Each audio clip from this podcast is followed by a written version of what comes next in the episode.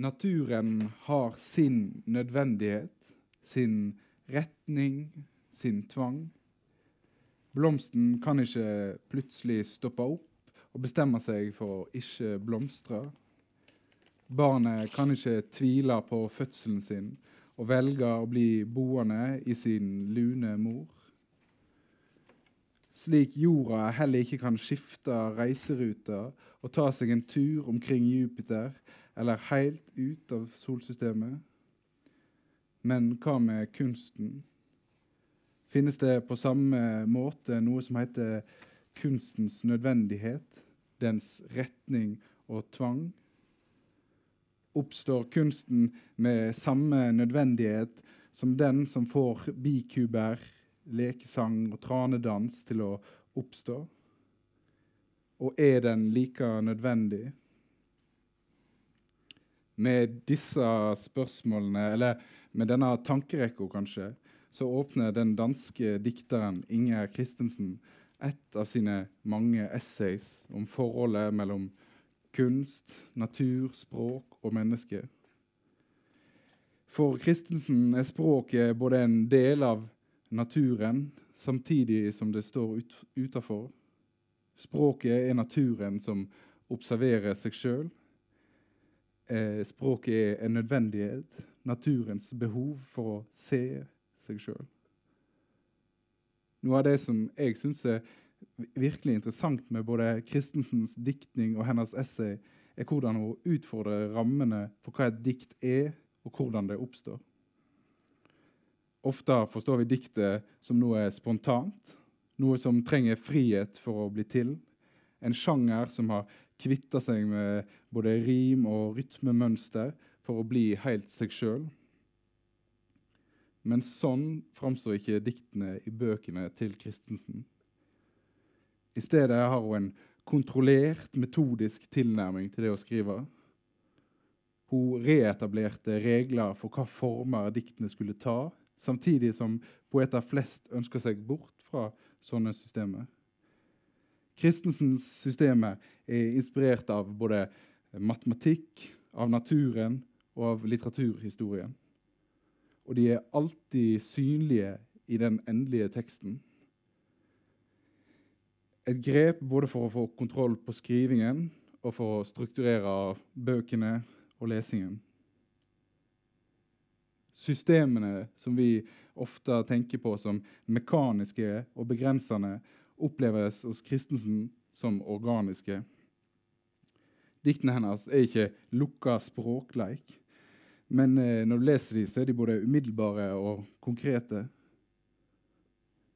For Christensen så var systemene hennes òg naturlige.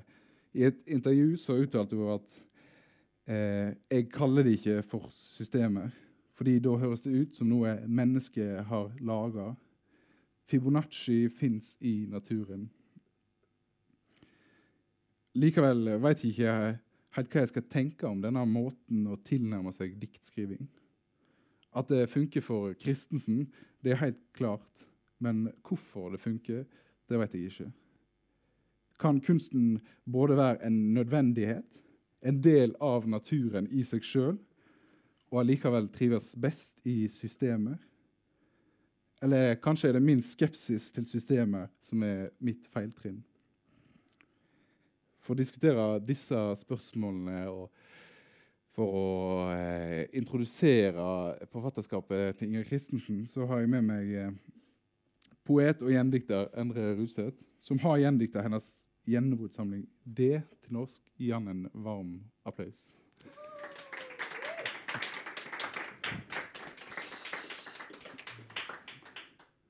Jeg må svelge ned, jeg nå. Det må du bare gjøre. Jeg tror vi skal vi snakker litt om hvem, hvem Inger Christensen er. Men, eh, men, eh, det er tross alt poesien som er i fokus, teksten som er i fokus. Så, ja. så kanskje aller først eh, så har jeg lyst til å be deg om å, om å lese, lese, noe. Det kan jeg gjøre. Da skal jeg rett og slett lese fra den boka som jeg har gjendikta. Altså, dette med gjendiktning har vært et spørsmål egentlig de siste ti åra på norsk. fordi eh, skal vi egentlig gjendikte bøker fra dansk og svensk? Hva er på en måte poenget med det. Vi kan jo lese disse bøkene veldig godt på originalspråket. Men Det kan vi jo snakke litt om etter hvert. Jeg har i hvert fall gjort det. Jeg tenkte at jeg skulle begynne med uh, Jeg kan bare si litt kort før jeg leser. Og, jeg skal lese altså fra det som kom ut i 1969, og som på en måte var den første store på en måte, systemdiktboka til Christensen. Den ble, den, til å være en ganske kompleks og delvis kranglete, vanskelig bok, så ble den umåtelig populær. Vi har jo Yahya Hassan i nyere tid, som har solgt i 10 20 30 40 000 eksemplar. Men det gjorde også denne boka, her, som kom ut i 1969. Så er boka si tid. Men også en bok som uh, på en måte um, Jeg mener i hvert fall har, har, har, mye å si til oss i dag, i 2021. Um, jeg tenkte jeg skulle lese det vanlige når man leser fra det, at man leser fra begynnelsen. fordi i boka så blir ordet 'det' er på en måte utgangspunktet. for altså, Dette er et slags kos et kosmologisk et skapelsesverk som begynner i språket og slutter i språket. Og Det geniale som, som Christensen gjør, er at hun begynner med et ord som på en måte er usynlig i språket, og så gjør hun det til på en måte hovedfrøet. Og Ut av ordet 'det' så vokste en verden. Og det skal jeg gjøre, skal jeg lese litt fra den første delen, som heter 'Prologos' prologos Eh, og så skal jeg lese litt fra eh, midtdelen, logos. Eh, så jeg kan, bare, jeg kan bare begynne, egentlig. Skal jeg bare reise ja, lese? Ja, ja.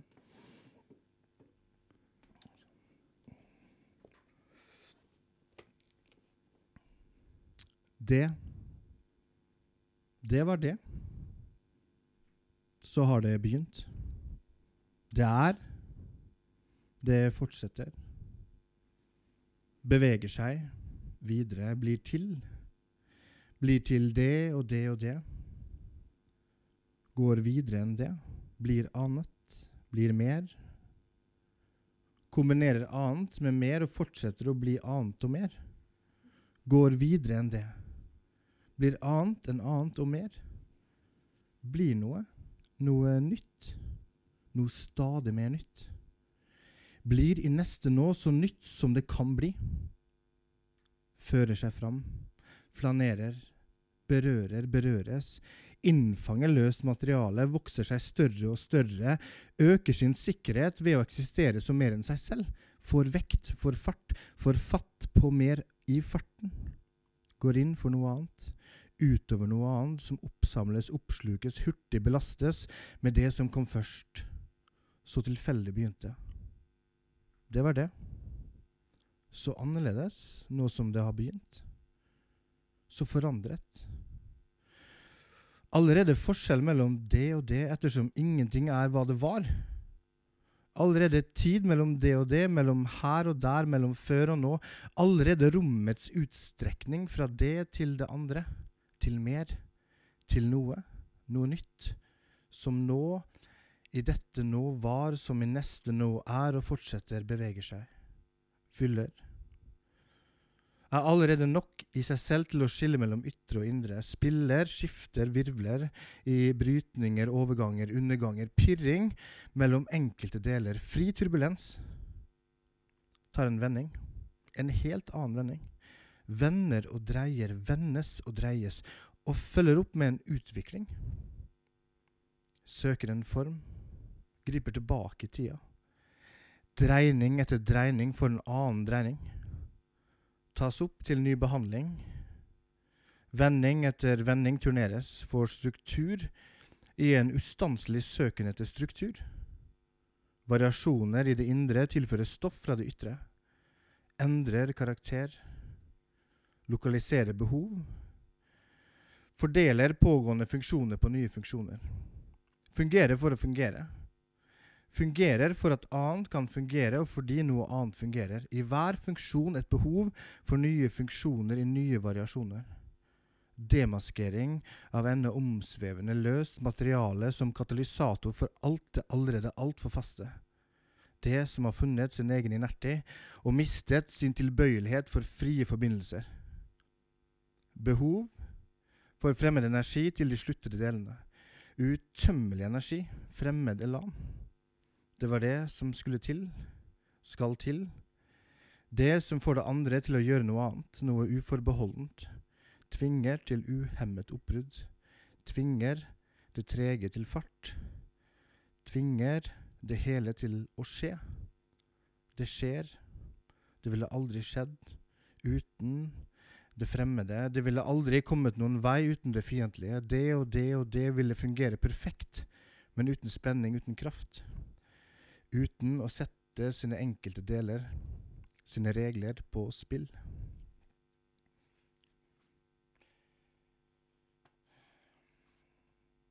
Så skal jeg lese en liten del, en liten del fra Logos.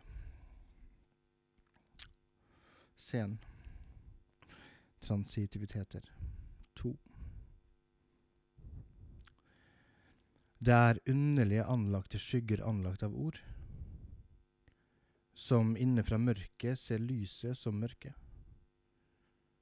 som binder språklige kilder til språklig mord, og øser av språkets underforståtte tørke. Det er ord som ustanselig føder et dødt paradoks for å dø i ustanselig ufødte syner. Som stjerner som ender som utbrent koks, eller lynet som rammes hver gang det lyner. Det er skygger som oppstår langs, skygg, langs ordenes logiske mur. Biologiske former som brer seg ved å forvitre, og røper et vanvidd bak språkets struktur, hager jevnet med jorda bak voksende gitre. Det er underlig. Ordene skjuler en agitasjon. En tillit til nettopp det stedet de snubler. Et skred i det indre. En taus mutasjon. Et såret miljø der lidelsen plutselig jubler.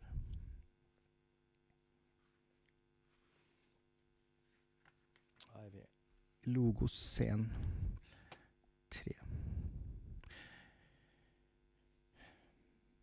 på bakgrunn av de umulige forholdene som hersker mellom intet og alt, eller bare mellom intet og noe, ja, bare mellom intet og ordet intet, og på grunn av språkets fullkomne taushet om alt det som ikke foregår enten i verden eller ikke i verden, bør denne posisjonen forlates. Den forlates og etterlater enten et språk som er en følge av verden, eller en verden som er en følge av språket, Enten en himmel, hage og fjell, eller malte himler, hager og fjell. Enten fugler som våkner mord som finner sted, eller stein som flyr opp over fjellene. Det er jo håpløst. Det er jo umulig på bakgrunn av disse umulige forholdene som hersker mellom enten og eller, eller bare mellom enten og både, ja, bare mellom enten og ordet enten, og på grunn av språkets fullkomne taushet om alt det som ikke foregår, enten i enten eller ikke i enten, bør denne posisjonen inntas. Da er vi like langt. Dette er en kritikk av fiksjonen, fordi det er en kritikk av lengselen etter verden.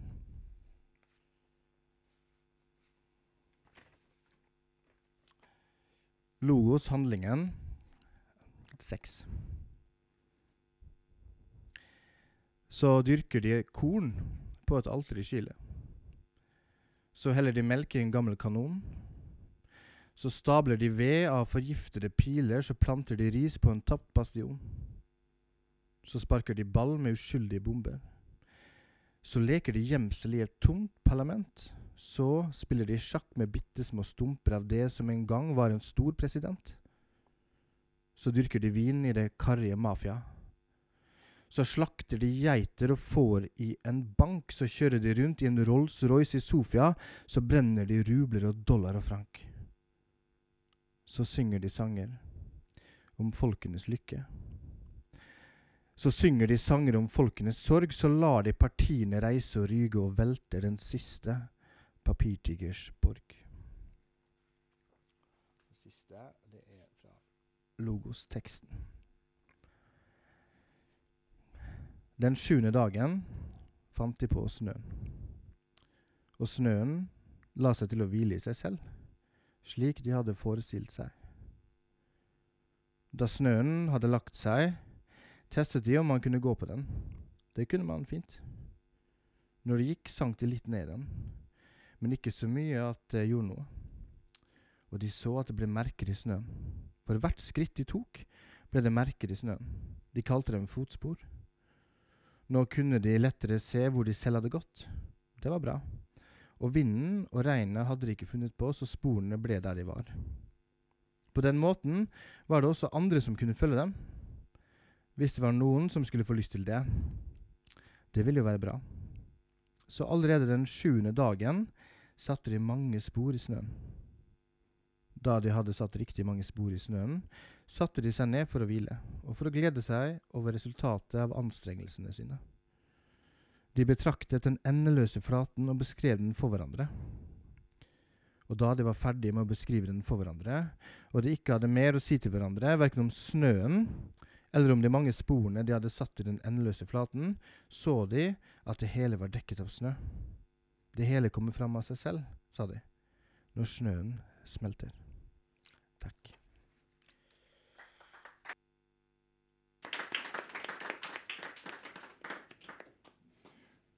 Tusen takk for det, Endre. Og det, det er unektelig veldig fint å, å, høre på. Ja, det er jo eh, Det her er jo Nå har jeg lest litt fra starten og litt utover i boka. og Det man kanskje legger merke til i starten, er at det begynner jo med et ord som alt klistrer seg til. Ordet 'det' på en måte klistrer seg til verden og språket. Og ut av dette så vokste jo da et kjempeunivers, altså en skapelse. Et sted. Først så er det hava og dyra i havene, og så kommer stedet fram og byen og menneskene i byen. Og så etter hvert så kommer menneskenes sjelstilstander fram. Så at det her er på en måte en sånn Pandoras eske, egentlig, som på en måte vis, og Det viser jo synes jeg, bare helt sånn fantastisk den leikenheten til Christensen. Dette her er jo morsomt også, syns jeg. Mm. Eh, jeg syns at hun har en form for humor en form for sånn enkelhet som greier å beskrive det, liksom det kosmiske på en altså hun, hun, bygger en verden ut av ingenting, og, og det er en uhyre kompleks og stor og rar verden. Men, men eh, ja. Så. Hvis vi, et, vi kommer tilbake til, til det mm. etterpå, men hvis mm. vi skal begynne liksom helt på, uh, på, på, the basics mm. Inger Christensen, mm. hvem, uh, hvem var hun? Nei, altså Hun var jo født i 1935, og uh, hun døde i 2009. Hun uh, var, er jo uh, ofte tenkt på som altså Nordisk råds litteraturpris sier man jo burde jo Det er én person som aldri har fått Nordisk råd, som på en måte sier at liksom, hvis ikke den personen har fått det, så er nesten ikke prisen noe verdt. Og den, den personen var Inger Christensen. Mm. Hun var jo en person som, som en internasjonalt anerkjent forfatter, men uh, som, skrev, som begynte med å skrive ganske enkle, små dikt. Men da hun i 1969 uh, skrev det, så var det starten på, en, på et av de største, største poetiske forfatterskapene i, i, i verdenshistorien, vil jeg, vil jeg si det så sterkt. Det sier kanskje ikke så mye om hvem hun var, men hun var jo da en dansk poet. Eh, en dansk eh, essayist. Hun skrev romaner. Hun var gift med Paul Borum, som jo er en av de store, kjente danske kritikerne. I eh, jeg vet ikke hvor mange år, det var 30, 40, 30 år eller noe sånt nå. Eh, og hun, eh, hun forandra dansk poesi og nordisk poesi på mange måter. Vi snakker jo ofte om systemdikting, men det er et litt sånn eh, litt komplisert ord å kanskje bruke i møte med forfatterskapet hennes. fordi hvis det var én ting som kjennetegner Christensen, var det at hun var nettopp ikke en mekanisk dikter. Hun var jo en, som du nevnte i introen din, hun var en dikter som både snakka om det metafysiske og det biologiske.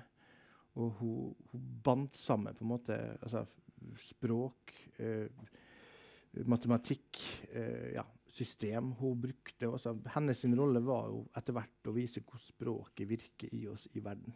Så enkelt kan det kanskje sies sånn innledningsvis. Kan en, uh, er det sånn at uh, du, du, sa jo at du sammenligner med Yaya Hassan. Og, at det blir, altså det, når med en gang den kommer, så blir han en stor salgssuksess. rett og slett. Mm, mm, mm. Men òg internasjonalt relativt fort så får hun et, et stort navn.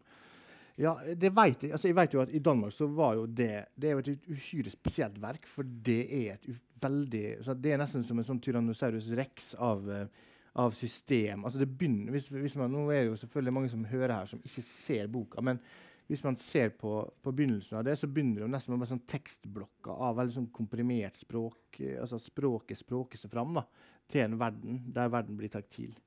Slik at, eh, at dette verket her ble en, en hit, en, en, en bokhit, Det er ganske utrolig, egentlig. Det er ganske utrolig å tenke på at i 1969-70 så ble den her solgt i mange titusenvis eksemplar. Eh, det er um, smått utrolig, for det her er ikke diktning, Yahya Hassan-diktning om, om, om, familien. Dette her er kompliserte, også dels filosofiske ting. som må ja, for det, for det, det, er jo eh, mange eh, diktsamlinger av høy kvalitet som, som har for lite oppmerksomhet. og eh, Uh, ja, Hassan har, hadde jo uh, det elementet at han åpna opp en verden mm. på et språk som ikke mm. tidligere var Men, mm. men, uh, men, dette her virker som det er ganske sånn hardcore mm. poesi, og allikevel så ja, um, og hvis, hvis, du tenker internasjonalt det, det, var veldig spesielt. Jeg møtte for mange år siden Ida Buriel, som har skrevet en fantastisk bok som heter Ma. Og, og, da vi nevnte Christensen, så mener jeg sa noe sånt at det går ikke an å skrive poesi i, i dag uten å lese Ingen Christensen.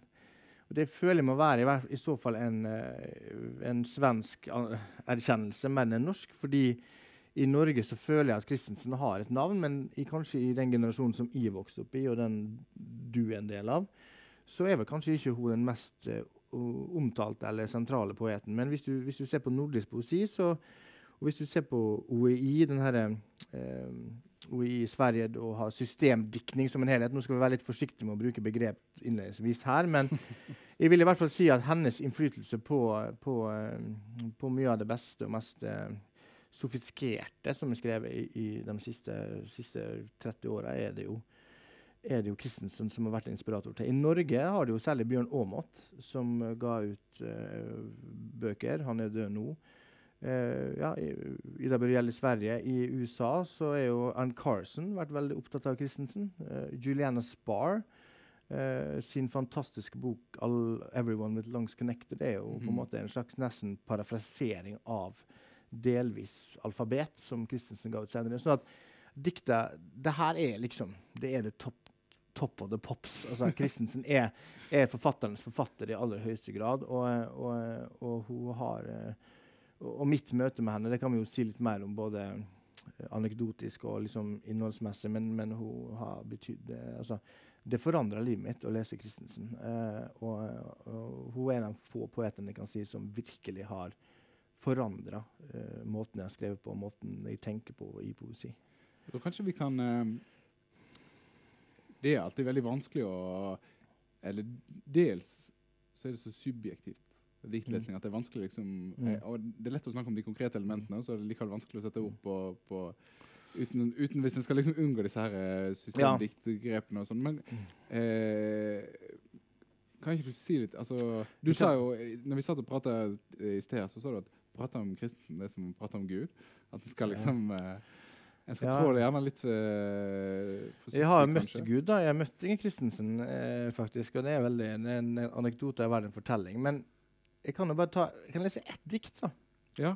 Helt først, som er åpningsdiktet i debutsamlingen hennes. Og, uh, Espen Grønli vi satt og snakka om hva slags diktere er det som hadde tålt å blitt framført på 'Du skal høre mye på Rorba i Tromsø', og samtidig være stor poesi. Og Da tenkte jeg på det diktet her. Det er kanskje en litt sånn far-fetch, men jeg syns bare det åpningsdiktet til Christensen i debutsamlinga viser hva som gjør, har gjort henne til en poet som kan ta opp i seg så store tanker og så, så komplekse uh, filosofiske tanker, og samtidig formidle det ut til, en leser. Og Det tror jeg har noe med den lettheten som hun bærer i seg. Altså, hun har gjort det mekaniske dynamisk. Men jeg skal bare lese, lese åpningsdiktet. Det er veldig veldig kort, og det går sånn. Og det er da fra Lys. Det går sånn. Hvis jeg står Hvis jeg står alene i sneen blir det klart at jeg er et ur. Hvordan skulle evighet ellers finne rundt? Ja. Jeg vet ikke om de hadde lett seg helt på Råbu. altså. Nei, det, jeg, jeg skal få slippe det. Men, men, men, men, poenget mitt er at, er at, er at uh, og, og, dette her som sagt, det er kanskje litt vanskelig å begynne med, men Christensen har jo blitt uh, tatt til inntekt for noe som kalles for system, systemdiktning. men, ja. men, hvis vi uh, hvis vi skal komme, vi skal komme til, til, eh, til systemdikt, men hvis, hvis vi kan liksom, ta den rent sånn subjektive opplevelsen eh, først, Når du ikke møtte henne i personen, men når du møtte teksten hennes første gang, er det sånn altså, med en gang at det sier det klikk? Eller sier det, altså. Er jo Gud for deg med en gang? Eh, det var på Molde bibliotek da jeg var kanskje 17 år. og Da var det en gjendiktning som heter da 'Alfabet'. Og 'Alfabet' er jo hovedverket det er ingen tvil om til Christensen. Og det er en bok som, eh, som rett og slett bare det er en, Den bruker alfabetet og en sånn Fibonaccis tallrekke som utgangspunkt for en diktsamling. Og, og den boka er så umiddelbar. Det er helt umulig. altså Du kan gi den til en femåring eller gi den til en, eh, en litteraturprofessor på 90 år som har lest alt. Det er det samme. Boka er inngangstersken til den boka med, eh, med, denne enkle oppramsingene gjør at den boka den bare, det var både, både musikalsk og språklig helt utrolig fascinerende. Så, og den boka var gjendiktet, av Liv Lundberg. Så den er oversatt til norsk. Den kom ut på Pax, og den fant de i Molde bibliotek. Og det var bare sånn herre Aprikostrærne finnes. Det er den første setninga. Den boka er, den er så vidunderlig, og den, den, den er en bok som nesten alle kan lese. Og det er helt utrolig å skrive en bok som er så fantastisk bra. Det er liksom, ja, det, det, det er oppe der med Shakespeare, altså. Det er, det er bok som er i en, som der treff, I den boka så treffer alle, tror jeg, Christensen sine um, visjoner. Både dette med å, å ta opp i seg det komplekse og gjøre det enkelt. Uh, så, så, så, så det var mitt første møte. Og det var en sånn På første sida så visste jeg at det her det var, helt, det var en, en, en av tre sånn store leseopplevelser i mitt liv. Det var å, Det er jo også en bok som jeg tenker kanskje Hvis en skal liksom forklare hva et systemdikt er, så, er- så er det kanskje enkleste stedet å, eh, å begynne. fordi at eh, si, ko Koden i alfabetet er relativt enkel. og den, Mm. det, det er Fibonacci, og så er det alfabet. Kan ikke du du kan jo ta de gamle norske dikterne. Hvis du tar uh, Opsfelter eller uh, Hofmo, så har du dikt man sitter og blir inspirert. Man har en tanke om noe, og så skriver man et dikt. Og så gjør man et utvalg, utvalg av de dikta som ikke har noe direkte Tekstene har ikke noe direkte sammenheng med hverandre.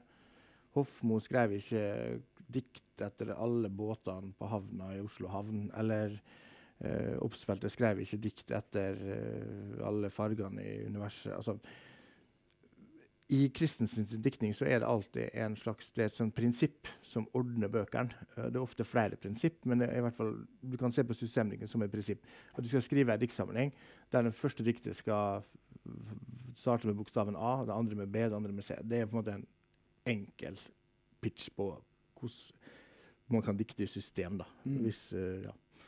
Så det er den enkleste måten å gjøre det på. Så, eh, så det er jo det, det Christensen gjorde med sine bøker, i hvert fall fra det.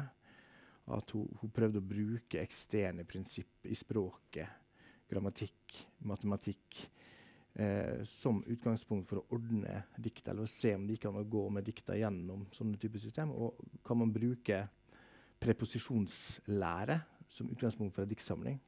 Kan man bruke Fibonaccis tallrekke, som på en måte brukes i naturen, inn i et dikt? Så hun tok jo på en måte matematikken, biologien, tok det inn i diktene. Og det er det der den klassiske diktninga vi kjenner Nå snakker jo Nå tar vi hvis jeg sier noe feil, men, men det er den, den, den vilkårlige diktninga. Den, den får en ny form, og den møter et nytt kunnskap, kun, møter ny kunnskap, møter et nytt kunnskapsfelt. Ulven er jo ikke systemdikter, men han gikk jo inn i arkeologi.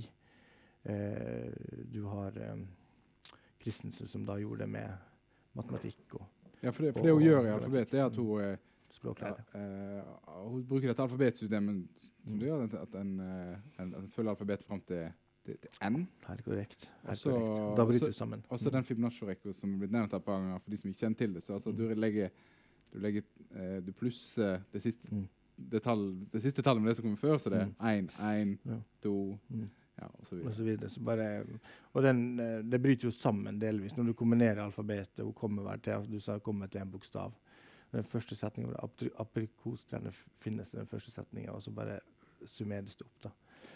Uh, men men det, som, det som gjorde at jeg uh, elsker henne, var definitivt den boka da, som nå er utgitt på nytt, som heter 'Alfabet', som kommer til en ny opp oppgave. Og jeg var jo en del av Bjørnsonfestivalen i Molde. Uh, og min største drøm det var jo å få Christensen til Molde. Hun hadde vel en, et ord med i laget med da, da hun kom dit i, i 2000, 2008, året før hun døde. Så kom Christensen til Molde. Og da uh, jeg, jeg vokste opp i et hjem der liksom, altså det er poesi og fotballhelter. Så for meg er poesi alt. Så jeg regna med at det kommer til å stå lange køer i gatene, men det gjorde ikke det. da. Men Christensen kom. Uh, hun var jo uh, godt uh, oppe i åra. Hun var, var ikke den enkleste personen. Eh, men hun likte i hvert fall ikke meg. Det var helt sikkert, for Jeg var jo liksom sendt ut for å møte henne. Og den friskusaktige litt sånn frampå var ikke populært i det hele tatt. Så når hun kom, da hadde hun ikke fått vin, hun hadde ikke fått noe som helst. Så var, det var meget kald respons. Og så sa hun til meg ja, vi kjenner, De kjenner ikke hverandre. I min tid så, så, så samtalt, samtalt, eller snakket vi med hverandre. Og da refererte hun til at hun følte at det litterære miljøet i dag det var bare sånn, det er ingen som snakker med hverandre. Ting går ikke framover. Vi, vi sitter på hver vår. Men på hennes side da snakka vi med hverandre. Og eh, så fikk hun gå til seg sjøl. Og så jeg tror at det er en av de verste dagene mest sannsynlig, for hun må ha vært å komme til Molde og møte meg. Men hun ble der ei uke. Og hver kveld så fikk han eh, polkabjørn til å jodle for henne inne på Kroverten. Og det elska hun, så hun satt og drakk hvitvin og koste seg med det. Og når hun dro fra Molde, så ble hun intervjua av Klassekampen og sa hun ville flytte til Molde. så det endte bra, da. Eh, men, men, i løpet av det oppholdet så, så leste hun hele 'Sommerfugldalen', som hun som hun gjorde et par ganger på Jeg tror hun leste den én gang etter det, men det var nest siste opplesinga hun gjorde. Og Det var i, på Alexandra hotell, og det var en sonettekrans, altså tolv sonetter som går opp i en mestersonette. Og det var bare, det var helt magisk. Det var, det var en stillhet i rommet. Det var helt fullt. Det var bare en sånn salighet som, som sto i rommet. Jeg kjenner jeg får når jeg tenker. Og, så, så, det var, det, var det, det, når du skjønner at du er med dikterisk eller poetisk storhet Det var den tynne, lille stemmen. Hun så ut som ei lita ugle. Hun satt foran der, og når hun leste, så var det bare du bare skjønte at det her, nå opplever du noe verdensklasseting. Altså. Så det er kanskje mitt største opplevelse i forhold til det med å høre noen lese. Og det var på ingen måte en imponerende stemme eller en en tung patostemme. Det var bare utrolig skjørt og nedpå. Og, og, en utrolig skjønnhet i det. Og det er jo da og leste hun sonetter, som egentlig er en utdødd form, som ble gjenoppliva. Sonetteformen nesten ble bare Den kom til liv igjen i det rommet. Som også er jo selvfølgelig, Vi pleier jo ikke å kalle sånn nettnettsystem, men det er jo selvfølgelig et system. Det, det er det. Mm. En sonettekrans er jo det i aller høyeste grad. Der hver, hver er ikke hver førstelinje i, i, i, i hver sonette utgjør en mestersonette. Så, det det så dette er jo ikke noe som Christensen har funnet opp, men det er noe som hun har revitalisert eller reskapt, da, kanskje i en ny form. Mm. Vi må liksom eh Uh, hvis du skulle dvele litt mer med det, uh, det, begrepet som hun gjør, og som åpenbart, uh, sånn som det framstår som da, som ikke har noen litteraturhistorisk utdanning når hun, at, du, du, er professor, Tror ikke du blir professor? Ja, men det, alle, vi skal bli det på sikt. Ja. Men, men, men, men, det er et relativt nytt grep at hun nå kommer med det. og, og Eh, og systemet er så, så, tydelig. og Det er jo ikke sånn at hun legger skjul på at hun bruker systemet på noe mm. så helst vis, selv om hun vegrer seg kanskje litt for å kalle det systemer. systemet. Mm. Eh, men er det, en, er det, en, form for kritikk og, og, og, altså, mot den romantisk inspirerte poeten, eller hvor kommer det Eh, ja, altså det valget om, om å, å, skrive ut fra et system, hva, hva, hva, er grunnen til at du gjør det? Jeg tror kanskje, jeg skal være veldig forsiktig med å snakke på vegne av Inger Christensen. Men det fins en, en essaysamling som kanskje også er noe av det bedre som er skrevet, som heter 'Hemmelighetstilstanden'. Som jeg anbefaler alle å kjøpe, som, eh, er, som er gjendiktet norsk Camilla Grått på Pax. Kom for et par år siden. Her så gjør hun rede for litt av de strategiene som hun bruker i diktninga si. Og og, og begynner med Novalis og snakker om uh, preposisjonenes teori. Uh, Katrine Heiberg er her i dag. Hun nevnte jo bl.a. det i anmeldelsen av, av Okarno. Dette med at Viggo Brøndal eh, har gitt ut denne preposisjonenes teori som en språklære som kom i 1940. Og som, og som hun har brukt aktivt inn i, i det, bl.a. Altså, så hun har så For Christensen så handler det om å på en måte så at alt annet i verden er systemet. Er diktninga egentlig fri? Eh, Du siterte jo diktet 'Vår fortelling om verden', som jo handler, begynner jo med det. Altså, Blomsten kan ikke bestemme seg for å ikke blomstre. Barnet kan ikke bli i magen og la være å bli født. Altså, vi alle følger et system. Gjør også språket det. Gjør også kunsten det. Gjør også diktninga det. Så det at hun, hun gjør, er jo egentlig å stille et spørsmål om hvis vi kaster på en måte den frie diktninga inn i veldig stramme, konkrete rammer som matematikken har, og som språklæren har, hva skjer med diktet? Altså, Er diktet fritt, eller hva står det i forhold til? Står det i forhold til Gud, eller står det i forhold til biologien? Til, altså, så, så, det er jo det spørsmålet hun stiller gjennom å utforske disse formene, gjennom å bruke Gjennom å ta diktninga si inn i en form for mellom systemer, så, så stiller hun det spørsmålet hva, hvor er det egentlig vi dikter fra? Hva dikter vi fra? Er diktninga fri?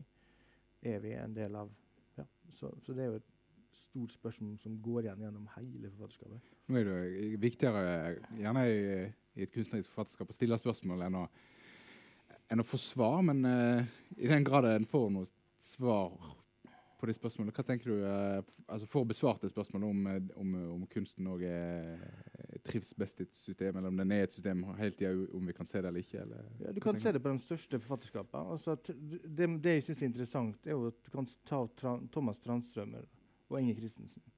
To av våre største, det kanskje desidert største poeter. Den ene i en klassisk narrativ metaforfortellende stil. Den andre eh, som Christensen, som går i den stilen. Begge to utforsker jo språket. De kommer jo et sted med diktninga si. Mens veldig mange bøker i dag er de samme bøkene. En ny diktning med Lars Saabye Christensen i dag er det samme. Det er akkurat det samme. Det er ingen bevegelse. Det er helt stillstand. Det har slutta å bevege seg. Så det dette uh, det Christensen uh, på en måte har gjort, som bare de store poetene kan gjøre, at de greier å føre det spørsmålet videre gjennom bok etter bok etter bok og, re, altså, og gjøre det spørsmålet aktuelt. Og dikte er livsfarlig. Du har som regel alltid sagt det meste du skal si i løpet av tre bøker. Hvor skal du gå derfra? Hvor går du derfra?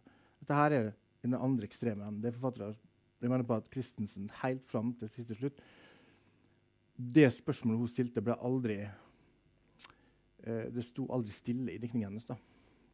Men hun vet ikke om jeg svarte på spørsmålet. Nei, nei det vet ikke jeg heller. Det, det får publikum avgjøre. Men eh, det er et eller annet eh, Og vi må sikkert bevege oss forbi systemene snart. Men det, det er utrolig interessant, eh, syns jeg. fordi at en kommer jo eh, eller, eller, systemene er jo ikke gode nok i seg, i seg sjøl altså Dette er mitt inntrykk. når det er så, altså Systemet i seg sjøl skriver jo ikke en bok. eller Hvis det hadde vært en annen poet som hadde funnet på de grepene som hun tar i del, de grepene som hun tar i alfabet, så er det ikke sikkert at det ville blitt en altså På et eller annet vis så, så, så er jeg usikker på om det er systemene som, som gjør diktene samlingene interessante, eller om det liksom er poeten som trosser systemet på et vis.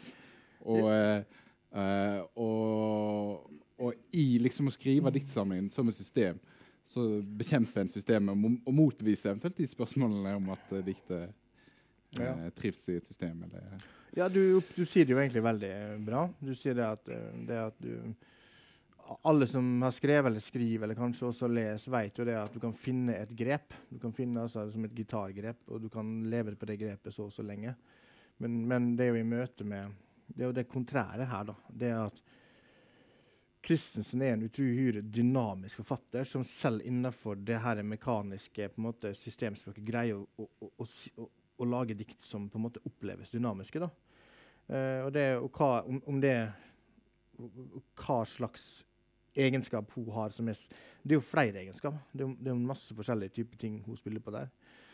Men, uh, men, men det du kanskje kan si, da, er at hun innleder dette eksperimentet der poesien, den frie poesien møter språket med det, 1969. Eh, sånn kinesisk eske av ei bok, en labyrint. Der eh, det er moderne på en måte, skapelsesverk som begynner og slutter i språket. Det begynner med ordet det, og det slutter i ordet B. Det folder seg ut, og så trekker det seg tilbake.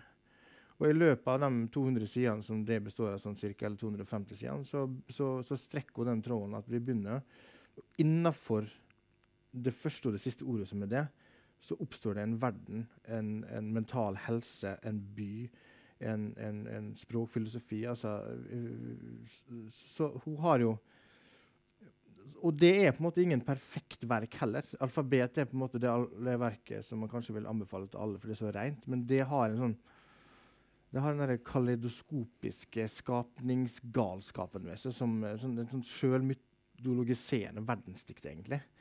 Eh, og, og, og, veldig tidsbestemt. Veldig mye referanser til sin egen tid og politikk og sånn. Men allikevel så, så, snakker den gjennom litteraturhistorien.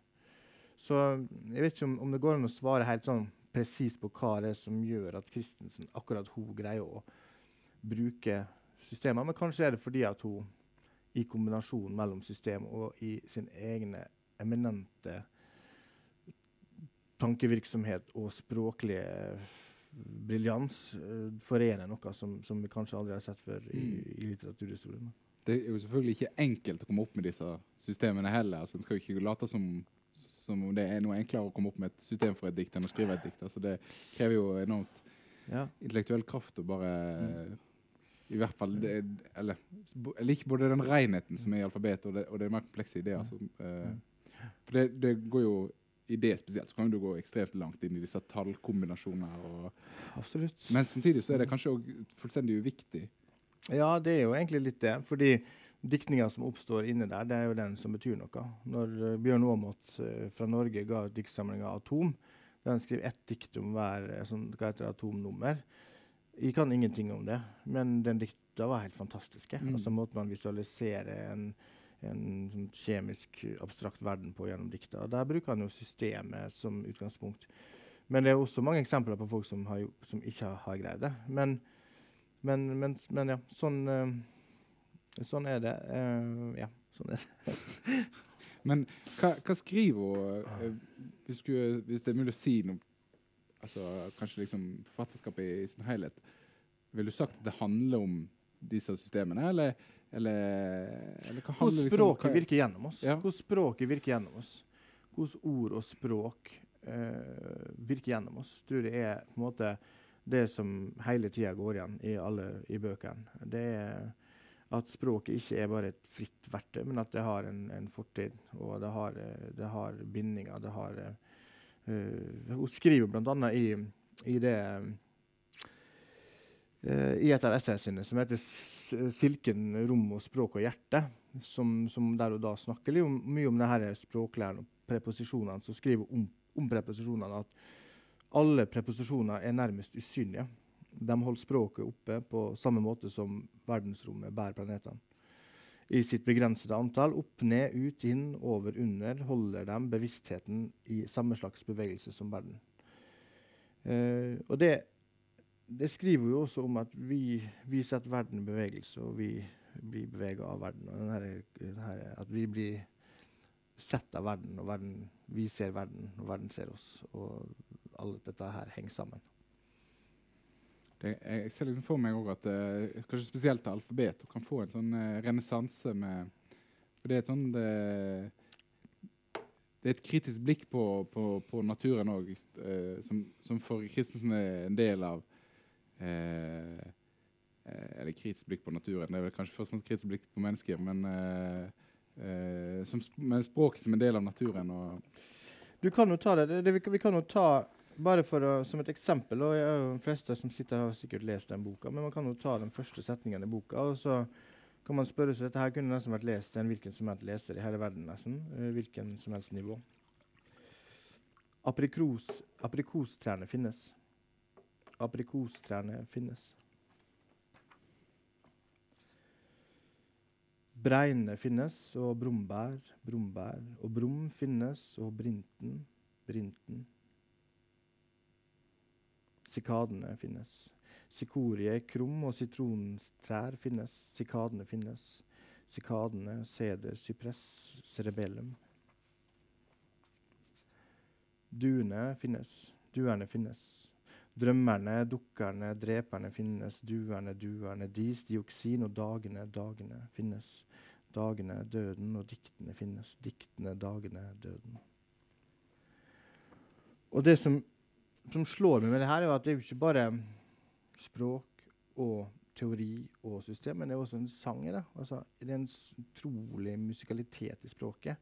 Så her forenes liksom alle drømmeperspektivene i et dikt musikk system, tanke, språk. Alt går opp i én veldig enkel helhet som skjer i alfabetet. Jeg synes det er sånn, det er sånn paradoks. Jeg hører meg sjøl når jeg snakker om Christensen, så, så høres så, så mye kjedeligere og tørrere ut enn hun er når en leser. Det er noe sånn, det er noe, eh, Når en tar i den materien som er omgitt med sånn språk som handler om matematikk og eh, Det er liksom det motsatte av det en kanskje egentlig ønsker seg eh, av en samtale om, om, om dikt. Men, eh, men det er jo det er jo helt avgjørende for hva de diktsamlingene er. da. Ja, Det som vi da har gjendikta, er kanskje ikke det stedet man kanskje burde begynne. Eller det kan man jo hvis man vil.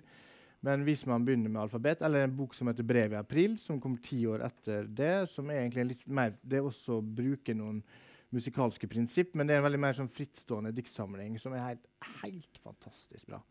Eh, som er så vakker, som bare tar utfordringa av du eller noe. Noen må oversette den boka, eller noen må få den boka til norsk. fordi det er på en måte kanskje ikke Christensen på sitt mest ekstreme, men den bare viser den enorme poetiske finessen og bare sånn der intuitive måten å skrive dikt på som bare er helt utrolig. Uh, så, så, så, så er den nok skrevet i sy system? Hos, hva sa Er den nok skrevet i system? Den er skrevet etter en sånn fransk komponist. er skrevet etter et sånn kom eh, kompositorisk prinsipp, men dette her kan ikke gi nok om til at vi skal sitte og, og Det står om det, du kan lese om det i, den, i essaysamlingen hennes. Eh, men både alfabet og det. Alfabet er, er, alfabet er en eh, veldig renskårne verden dukker opp av ingenting. Ut av et system så dukker bokstaven A opp. Med A så dukker aprikostrærne opp, og til slutt så har vi en hel verden. Det er den mer tungrodde Tyrannosaurus rex systemdikt-storebroren til alfabet, som også gjør det samme, egentlig, men med litt andre strukturer. Da. Ja. Det jeg, det, ja. Jeg, vi, vi, skal faktisk avslutte samtalen, for at uh, du har lovt oss en uh, litt lengre opplesning uh, til slutt. Som tar vel ti ja. minutter. Ja, jeg, og da må, du, òg må Kan du bare lese her, eller går det fint? Ja. Mm. Da, må du òg forklare litt om hva, hva, det er du skal, vi skal, skal lese, i, hvorfor du har valgt det, ikke minst. Vi skal gå inn i siste delen av det, og det heter da epilogos. Og den delen er på en måte avslutninga av 538 verselinjer.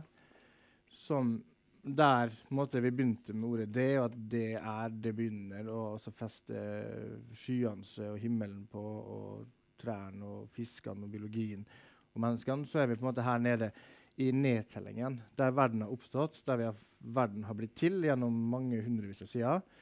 Så er vi tilbake igjen på ordet 'det' og vi er på en måte gått fra den språklige eksistensen inn i det, liksom, det sjelelige. Da, eller inn, inn, inn, i det sjelelige rommet. Det er sånn jeg oppfatter det.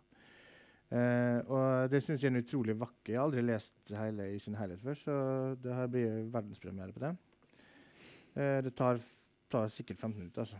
Jeg tror kanskje det bare tar tid, men det, det får du ikke bare tåle. Um, grunnen til at jeg ville jobbe med det her, var jo fordi at dette her jeg mener jo på at mange har spurt meg men vi har jo alfabet. Hvorfor skal vi gjendikte det? Det blir som å spørre men hvis vi gjendikter Hamlet, hvorfor skal du da gjendikte Julius Cæsar? Altså, det, det, er et irrelevant spørsmål. Mm. Det er storlitteratur. Jeg må bare sørge for at det, jeg kan hende må ta noen pauser her, for det, det her tar litt tid.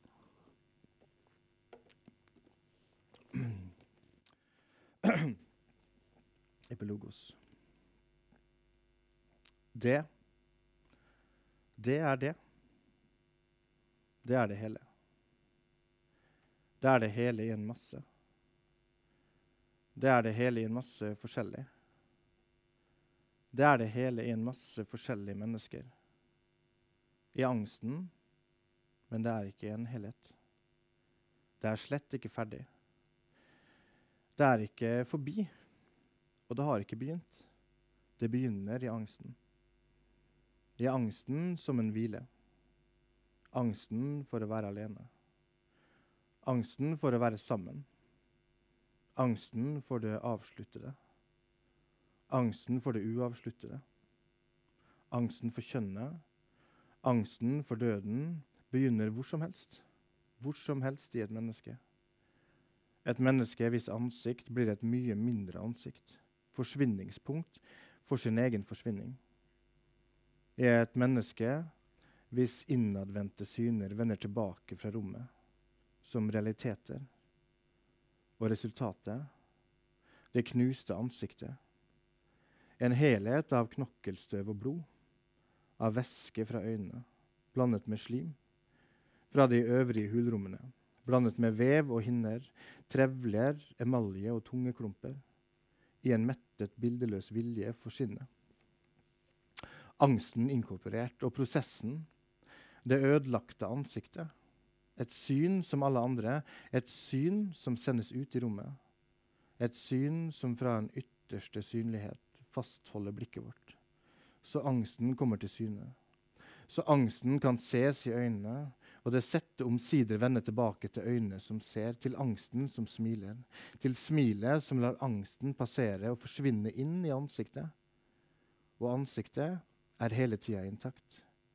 Ansiktet glatt som ei kiste, angsten inkorporert, tilskyndet, og meningen å holde seg a jour med angsten. Å gå inn under angsten som man går inn under dusjen. Å gå inn for angsten slik man går inn for å skaffe seg et måltid fordi man er sulten. Å gå inn i ei kiste slik man går inn i et hus, angsten inkorporert, tilskyndet, aktivisert. Og meningsløsheten. At angsten likevel er der. Angsten for å være alene. Angsten for å være sammen. Angsten for det avsluttede, angsten for det uavsluttede, angsten for kjønnet, angsten for døden. Den eneste trøsten den eneste sammenhengen at alt dette finnes i ett menneske. At ett menneske derfor er det eneste. Hver gang den eneste. Muligheten. Han, hun må lære ikke å beherske angsten, eksentriske forsøk, å flytte sitt sentrum ut av seg selv, ut i noe annet, i andre, og der i det avskyelige, grusomme mordet, orgien, offeret, nøden, sorgen, raseriet, fattigdommen, blindheten, dumheten, gjøre spranget fra angst til ekstase, bevisst eller magiske forsøk. Stole på språket som en del av biologien. Stole på at språket også av seg selv produserer de nødvendige følelsene, tankene og nødvendige nye følelser, tanker, så vi kan overleve angsten med angsten i behold, slik vi stoler på at nyrene stoler på oss. Formulerer de nødvendige stoffene, bevegelsene, om nødvendige nye stoffer, bevegelser, så vi kan oppleve angsten med oss selv i behold, eller erotiske forsøk. Det eneste som forener oss, er det som atskiller oss. For det første er døden vår eneste kontinuitet. Det atskilte for evig forent. For det andre er livet vår unike diskontinuitet. Det forente for tida atskilt. For det tredje er den psykiske bestrebelsen, hele erotikken, uavhengig av kjønnet, utenkelig uten, uavhengig av døden, utenkelig uten, gått inn for å forene det atskilte for evig, tvunget til å atskille det forente for en tid. For en tid være alene. For en tid være sammen. For en tid i det avsluttede, for en tid i det uavsluttede, for en tid i kjønnet, for en tid ikke i døden. Si det igjen jeg er redd. Det viktigste er ikke det vi er, men det vi godt kunne være, kan være. Ikke kan være ennå, men kan og skal bli en gang. Være en gang. Være redd, men ikke være redd. Ikke være redd. For å være redd angsten for å være alene. Alene med sin fortid, alene med sitt store fantasitrykk, sin sinnsforvirring, tomhet, alene med sin glede, sitt mot, sin mangelfulle innsats, alene med sin sang, sine fakta og sin frihet, alene med alt i det diskontinuerlige. Tilstand, unik, uforlignelig. Sola i et aldri observert system. Angsten for å være sammen. Være sammen med andre som plutselig vet det de ikke må vite, alt det man selv ikke vil vite om seg selv. Være sammen med andre som plutselig sier at man ikke må si det man har sagt. Og hvis man sier det mer, så går de en trussel, et sjokk. Eller sammen med andre som slett ikke gidder, og sammen med andre som gidder for mye. Eller sammen med anklagen, sladderen, vreden, sammen med håpet, sjalusien, fortvilelsen, sammen med demoner, fornuftige folk og asketer, sammen med alle og alt i sin diskontinuerlige tilstand. Spesiell, sammenlignbar, en slitt meteor i et helt illusorisk system. Angsten for det avsluttede, for vanen, i nertien, de monotone replikkene, for gjentagelsen, gjenkjennelsen, konklusjonen, for syntesen som aldri er riktig, for det riktige som aldri er ærlig, for det ærlige som aldri er riktige, for det praktiske, ordnede, godt organiserte, siviliserte mønsteret, for systemet, for sitt eget system, som man klynger seg til, for de andre system som man fanges inn i, for systemet som sådan, det magnetiske, faste og alt inkluderende angsten for det uavsluttede, for bevegelsen, rommet, konflikten, for uvisshet, kaos og sorgløshet, for overflod, forvirring og lengsel, for en verden som aldri blir til, for en verden som aldri blir ferdig. For en verden, et sinn, en bevissthet som aldri blir innhentet, aldri blir ferdig og aldri blir til. For det vikende, løse og alt ekskluderende, angsten for kjønnet, for å miste seg selv, for å miste sin ære, prestisje, sine håp, for å mislykkes, miste sin tillit, sin tro, for å hånes og elskes, begjæres og brukes, forbrukes, forsvinne, for å miste besinnelsen, miste sin styrke, forstand, sine drømmer, for ekstasen og rystelsen, tomheten, for endringen, om oppløsning, død og forvandling, angsten for døden, angsten for døden. Det er for mye. Det er det mulig. Det er det hele. Det er det. Det. Det eneste vi har. Det eneste vi har å gjøre. Det eneste vi har å gjøre for hverandre, er å si det som det er. Jeg er redd for å være det som det er. Være redd, overvinne angsten med angst, og senere overvinne angsten for å meddele andre sin overvunne angst. Den er deres eksentriske forsøk når en mann trer ut av seg selv, trer ut av sitt daglige liv, sin funksjon, sine forhold, trer ut av sin vane, sin rolige tilstand, kaller vi prosessen ekstase. Når han påstår at skyene jager, at skyene oppstår med ladninger, vanndamp, flukt i hans tyngede hode, når han sier han danser med jordkloden hengende slapp mellom beina, og når han anroper havet om å reise seg og styrte fra lemmet hans som en syndflod, kan vi tydelig se at han er grepet av kjærlighet grepet av hat, til angsten. Men hvordan skal vi finne opp nye følelser? Hvordan skal vi finne opp tanker til følelsen? Hvordan skal vi finne en teknikk for forståelse, en teknikk for en felles bevissthet, en viten i det minste om alt det vi ikke engang ser i oss selv, i de andre, hverandre? Det kunne være meg som trådde ut av meg selv. Magiske forsøk. Det kunne være ord som trådde ut av seg selv, som realiteter det kunne være ord som rev det ordløse med seg på vei gjennom kroppen. Det kunne være ord som lik feber forvandlet angsten til fryd. Det kunne være ord som gikk til bunns i forfølelsen, la sine gener i den enkelte celle, vokste, tvang seg gjennom kreft og virus og dødeligheter, fram til en strålende plass som antistoffer, legemidler, frelse. Det kunne være ord som brakte nåde til verden formulerte angsten, så hver eneste angstperson visste at han nok var alene i verden, nok var alene med sin angst, men aldri alene med sin egen bevissthet om angsten, om verden. Det kunne være ord, det stoffet vi likevel deler med hverandre. Det stoffet som kan utvide sinnet og sansene, kunne være ord du har sagt for å si det hele som det er. Jeg er redd. Erotiske forsøk når kroppen i sin blinde seksuelle aktivitet streber mot usynlighet, er cellene ord når kroppen fortapes i alt, og der i sin fortapelse fortsetter, overlever, overgår seg selv og sine grenser, er cellene ord. Når kroppen er en ting, er cellene ord. Når kroppen er en krampe, er cellene ord. Når kroppen er en stumhet, handling, og en scene, er cellene ord. Når kroppen er ute av seg selv og inne i en annen, belyst, befridd og rolig, er selgende ord. Et språk som forteller at kroppen kan vekke de døde. Hvordan et språk som forteller at kjærtegn kan vekke de døde. Hvordan et språk som forteller at avgrunnen mellom oss fylles. Hvordan, hvordan la dette parallellspråket vokse? Hvordan la cellene i det formeres, finne vei til parallellhjernen? Hvordan finne vei til parallellmunnen? Lepper som taler som de aldri har talt, som de alltid har talt. Et kyss. Hvordan styre direkte inn i hjertet ditt? På annet enn dette parallellspråket, som ikke er til, og aldri blir til. Jeg er redd. Det begynner. Det begynner igjen. Det begynner i meg. Det begynner i verden. Det begynner i verden etter verden. Det begynner langt utenfor verden. Det begynner i angsten, og utenfor angsten, i angsten som beherskes av angst, og angsten som ikke beherskes av angst. Fortsetter som det tilfeldig begynte i angst, Og det er ikke annet å gjøre enn å si det som det er. Vi er redde. Det er ikke tilfeldig. Det er ikke verden. Det er tilfeldig. Det er verden. Det er det hele i en masse forskjellige mennesker. Det er det hele i en masse forskjellig. Det er det hele i en masse. Det er det hele. Det er det.